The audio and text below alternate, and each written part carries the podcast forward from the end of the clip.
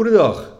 Dit is de podcast Beleggingsupdate, aflevering 17 van 30 april 2021. Mijn naam is Joost Boors.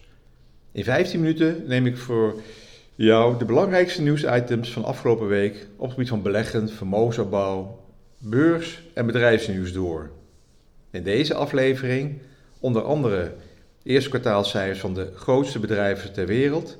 Natuurlijk zijn dat de Amerikaanse technologiebedrijven zoals Apple, Microsoft, Facebook, Tesla en Amazon.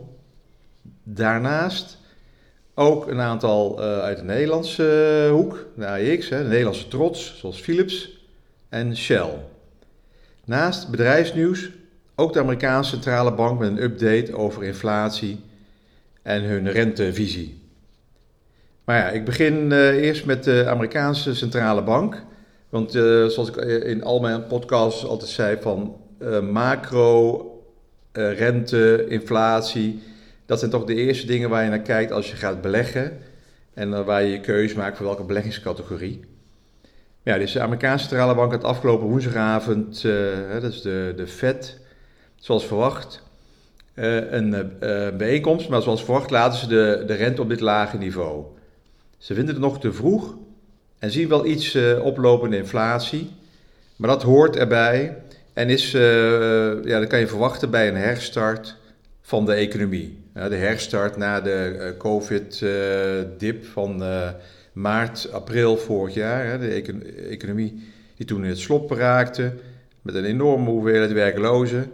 Nou, dus nu hebben we een herstart. De economie loopt goed, cijfers zijn fantastisch. Ja, inflatiecijfers, waar eigenlijk de, de, de beursmensen naar kijken, de analisten naar kijken, zal dan ook uh, uh, volgend jaar wat gaan afvlakken, volgens de Fed. Dat is gewoon, dat hoort gewoon, de inflatie die we nu zien, de prijsstijging die we nu zien, hoort bij de enorme impuls die de economie krijgt door uh, de hoeveelheid geld die daarin in rondgaat. Ja, dit nieuws is natuurlijk positief voor de aandelenmarkt. Echter, het staat wel haaks op uh, alle grondstofprijzen die nu naar een nieuw hoogtepunt uh, bereiken. Verleden week liet ik zien uh, hoe hout omhoog ging, lumber. Dat is slecht voor de Amerikaanse woningbouw. En alle bedrijven in hun persberichten klagen over een tekort aan grondstoffen. En dat ze de hoge prijzen voor moeten gaan betalen. En dit zullen ze dan door gaan berekenen naar de consument. Dus ergens zit of de centrale bank uh, of de bedrijven fout in hun uh, inflatieaannames. Ja, zoals ik in het begin zei, de kwartaalcijfers. En zoals de Amerikanen altijd hebben, altijd mooie uitspraken voor hun uh, beurszaken. werd aangekondigd dit weekend van deze week is een belangrijke week, hè, de Big Earnings Week. En waarom Big Earnings Week? Nou, omdat een derde van alle bedrijven in de index, de SP 500-index, komen met kwartaalcijfers. Maar ook de hele grote jongens, hè, wat ik zei, Apple, eh, Microsoft, Facebook, Tesla, Amazon. Dat zijn echt de grote bedrijven, de grootste bedrijven ter wereld. Nou, bedrijven die al met nieuws zijn gekomen, zijn voor het eh, grootste deel ingeslaagd om de voorspellingen van Wall Street, hè, de verwachtingen van Wall Street, in dit winstseizoen te verslaan. En met 25% van de bedrijven in de S&P 500 die resultaten over het eerste kwartaal rapporteren, heeft 85% in positieve winstverwachting per aandeel gemeld en 75% heeft de omzetramingen overtroffen. Als je de kwartaalresultaten ziet en de verwachtingen van de analisten, ja, die hiervoor gestudeerd hebben, dan vraag je jezelf toch af hoe het komt dat deze analisten er zo ver naast zitten met hun verwachtingen. En niet een klein beetje, maar echt heel erg substantieel naast zitten. Zeker bij die technologiebedrijven zaten ze er flink naast. Nou, even een paar uh, bedrijfscijfers die ik kort zal bespreken. Uh, Tesla zal ik mee beginnen. Een sterke groei ten opzichte van vorig jaar. Maar de analisten voorzien wel een afzwakking van de groei door de toename van concurrenten.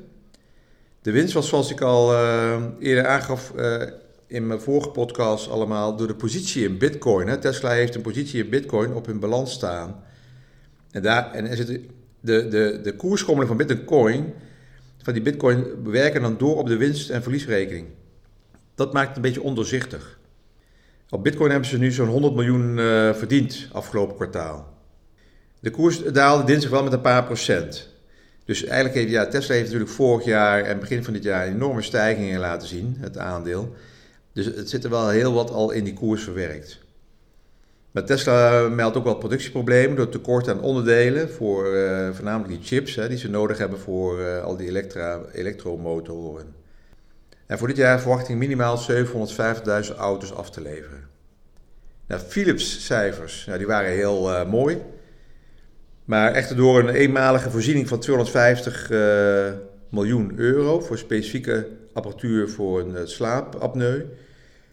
Daar hebben ze op afgeschreven, daar bleef de winstgroei uh, achter. Zowel de stijging van de omzet als de bedrijfswinst was wel weer beter dan analisten hadden verwacht. Philips publiceerde dit kwartaal voor het eerst zijn resultaten zonder de divisie huishoudelijke apparaten. Die is namelijk eerder dit jaar uh, verkocht. Het Nederlands concern wil zich volledig gaan toeleggen op medische technologie. Ja, net als je bij AXO uh, twee keer geleden zag, was na, de cijfers dat de koers uh, negatief uh, reageerde. Philips is de afgelopen dagen zo'n procent of vijf gedaald. En ook weer hier waren de verwachtingen toch weer te hoog ingeprijsd in de koers. Dus het is goed om een, een, tijdje gewoon te consolideren, een beetje op een laag niveau en dan kijken of de koers verder kan stijgen na de zomer. Nou, de Koninklijke Shell en Unilever rapporteerden ook uh, goede cijfers. Beide verhogen het uh, dividend. Hier spreekt dan ook uh, het vertrouwen uit. En zeker Shell viel heel erg mee. Dus dat, ja, dat geeft wel vertrouwen voor de, voor de toekomst. Nou, die Amerikaanse big tech giganten zoals Microsoft, Apple, Facebook en Alphabet kwamen allemaal met echt super goede cijfers. Echt getallen waarvan je gaat denken, hoe kunnen ze dit jaar hier nog uh, overheen? Nou, daarnaast hebben ze nog zo'n zo grote vrije kaststroom. Da daarmee gaan ze nu allemaal ook weer hun eigen aandelen inkopen. Wat ook weer steun ge geeft aan hun koersen. Nou ja, alles klinkt allemaal hosanna voor dit soort bedrijven. Even dat voorbeeld Alphabet. Dat is het moederbedrijf van Google en YouTube. Ja, dat hele goede cijfers. En dit komt natuurlijk omdat we meer thuis werken en ook tijdens het werken eh, veelvuldig googlen of YouTube-filmpjes bekijken. En Alphabet, dus Google, draait dan ook heel erg op die advertentieinkomsten. Hoe meer we kijken, hoe meer we naar YouTube-filmpjes kijken, hoe meer we uh, op Google uh, als zoekmachine uh, daarop bezig zijn, hoe meer advertentieinkomsten het moederbedrijf Alphabet binnenhaalt. Maar ditzelfde zal ook gelden voor Facebook en bijvoorbeeld uh, een kleine bedrijf als Snap. Nou, Alphabet gaat ook het kasgeld uh, uh, uitgeven en voor zo'n 50 miljard de komende jaren aan aandelen inkopen. Het valt me wel op dat bedrijven met sterke namen als Google, Apple, Microsoft, maar ook bijvoorbeeld Starbucks, McDonald's, het ongeacht welke crisis of ander nieuws het gewoon goed blijven doen. Uh, vooral de koers van Starbucks verbaast mij, aangezien velen dicht zijn of dicht zijn, geweest zijn. Maar het aandeel staat gewoon op een nieuw record. En wat ik me dus mezelf afvraag, eh, hadden analisten die deze bedrijven volgen en analyseren dit niet uh, kunnen voorzien in hun modellen? De echte kwartaalcijfers en de verwachtingen van analisten liggen wel mijlenver uiteen. Ja, Daarop verder doorbordurend is het, de waardering van aandelen is historisch hoog op dit moment. Ja, als je over die Amerikaanse cijfers, die houden het allemaal keurig bij. Kijk naar eh, de ouderwetse koers-winstverhouding. Dat is nu gemiddeld zo'n 24% voor de aandelen in de Standard Poor's, de S&P 500-index. Ja, historisch is het circa 18 keer. de koers-winstverhouding van 18. Maar als je rekening houdt met de lage rentestand, dan zeggen sommige analisten, ja, dan valt het nog mee. Dit betekent wel dus dat de centrale bank de rente nog laag moet houden. Daarom zag je dat dus uh, een week of drie geleden die onrust wat toenam, toen die 10 jaar rente een behoorlijke stijging doormaakte, richting de 2%. Nou, deze stijging is weer wat afgezwakt. De rente is weer wat gedaald naar 1,6. En dat gaf toen weer steun aan eh, de beurs. Dus houd in de gaten, blijf dus nu wel steeds opletten wat die 10 jaar rente gaat doen. Nou, Bitcoin, ook weer uh, natuurlijk, elke dag wel iets wat nieuws over Bitcoin. Maar voor die Bitcoin-liefhebbers valt nog wel te melden dat uh, een van de grotere zakenbanken in Amerika, JP Morgan, een crypto-beleggingsfonds voor de topklanten gaat introduceren. Hierdoor herstelde de koers van Bitcoin weer iets na de daling van verleden week. Daarnaast natuurlijk ook goed opletten bij welk crypto-platform je de beleggingen in deze munten aanhoudt. Want de afgelopen dagen zijn er bijvoorbeeld in Turkije twee van deze platformen gesloten vanwege fraude. We zitten namelijk ook nog in een soort van pioniersfase met veel cowboys die makkelijk proberen over de rug van cryptobeleggers snel rijk uh, te worden. Dus er is nog heel wat te doen aan regelgeving. Maar ja, dat woord willen crypto's uh, beleggen eigenlijk ook weer niet horen. Want dat was juist de reden om te beginnen, tien jaar geleden, uh, dat ze zonder regulering en zonder toezicht uh, bezig konden zijn met hun Bitcoin-platform. Nou ja, ik wens ze allemaal veel succes. Nou, een stukje educatie.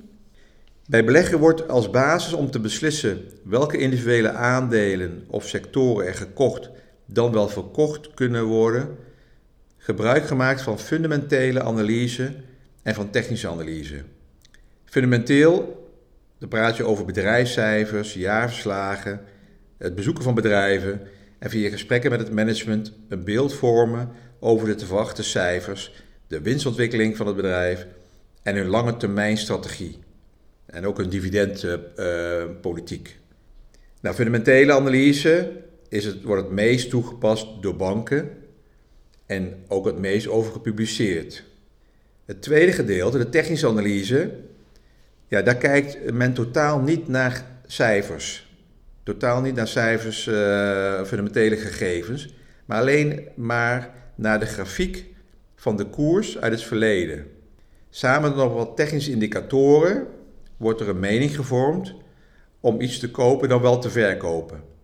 Het mooiste is dan als beide stromingen elkaar versterken met, als ze dezelfde mening hebben over een bepaald aandeel. Dus als fundamenteel de cijfers mooi zijn, de analist een koopaanbeveling heeft gemaakt en daarnaast de koers, de technische analist, op basis van de grafieken aangeeft van er zit een mooie koopmoment aan.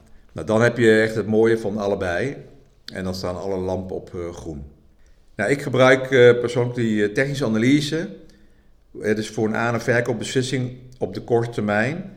Dus stel dat een analist positief op een bedrijf aan de hand van cijfers, dan bepaal ik het aankoopmoment op basis van de technische analyse. Nou, mocht je hier wat meer over willen weten, over technische analyse, dan kan je op YouTube vele filmpjes met verschillende technische analisten vinden en met uitleg vinden.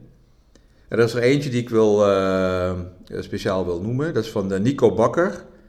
Hij is technisch analist van uh, BNP Paribas, een grote bank. Nou, in ieder geval op, op YouTube heeft hij 14 korte filmpjes staan. Van, ze duren allemaal zo'n 7 minuten. Met een duidelijke basisuitleg van technische analyse. Maar het is allemaal heel handig en leerzaam. Nou, ik krijg ook vaak te horen van uh, luisteraars van, uh, ja, heb je nog op, van die cloud kleinere bedrijven die volgt? Nou, ik, ik, volg die bedrijven zelf ook niet, maar als je gewoon kijkt wat zijn dan mogelijke herstelkandidaten. Ik een drietal kleine bedrijven in Amsterdam op de beurs. En die kunnen profiteren van het opengaan van de economie. Zoals fitness, je, kan zelf een beetje invullen als alle fitnesszaken zijn nu gesloten, dus die weer open gaan. Restaurants gaan open, horeca en catering. Dan zijn er drie bedrijven, drie aandelen de beurs genoteerd, zoals Basic Fit, nou, dat is een fitnessdingen, BNS Group, nou, die, houden zich bezig met uh, catering, het leveren aan uh, legerbasis, maar vooral ook aan cruiseschepen, als die weer op gang gaan komen. En uh, Sligro. Sligro is leverancier aan restaurants en horeca. Nou, dat zijn drie bedrijven die kunnen gaan profiteren de komende twee, drie jaar als de economie weer volop gaat draaien. Het is wel speculatief. Je moet, je moet inderdaad gaan kijken van kopen op zwakke dagen, hoe liggen ze er technisch bij. Want zijn aandelen zijn afgestraft door die coronamaatregelen, maar het, het herstel is ook al reeds ingezet bij deze drie. Dus je koopt natuurlijk nu niet meer op de laagste niveaus. er zijn natuurlijk meer mensen die dit soort dingen in de gaten hebben. Dus wel oppassen uh, en kijken, goed uitkijken wanneer je ze koopt. Eigenlijk hetzelfde als je kijkt naar het aandeel McDonald's of Starbucks. Vooral Starbucks als voorbeeld gaf in het begin van de, mijn podcast. Dat als je naar de grafiek kijkt, dan staan we nu op een uh, recordhoogte. Terwijl de economie eigenlijk nog pas moeten gaan open uh, gaan. Dus ze lopen al heel erg ver vooruit. Nou, Sligro, Basicfit en de BNS-groep, die hebben nog wat uh, ruimte. Nou, dit was het dan weer voor deze week. Dank voor het luisteren. Nou, volgende week ja, start de maand mei. En zal ik iets vertellen over de mythe, een oude slogan, ook weer vanuit Amerika. En dat is dan Sell in May and go away, but remember to be back in September. Nou, daar ga ik volgende week uh, iets verder op uh, in, wat het betekent en uh, wat je ermee kan. Voor vragen of opmerkingen kan je me altijd mailen via info.beleggingsupdate.nl of volg mij via mijn Instagram-account Beleggingsupdate. Nou, zoals altijd, het is mijn persoonlijke visie. Het is geen aanbeveling. Als je wat wilt doen, stem het even af met je adviseur. Tot de volgende week.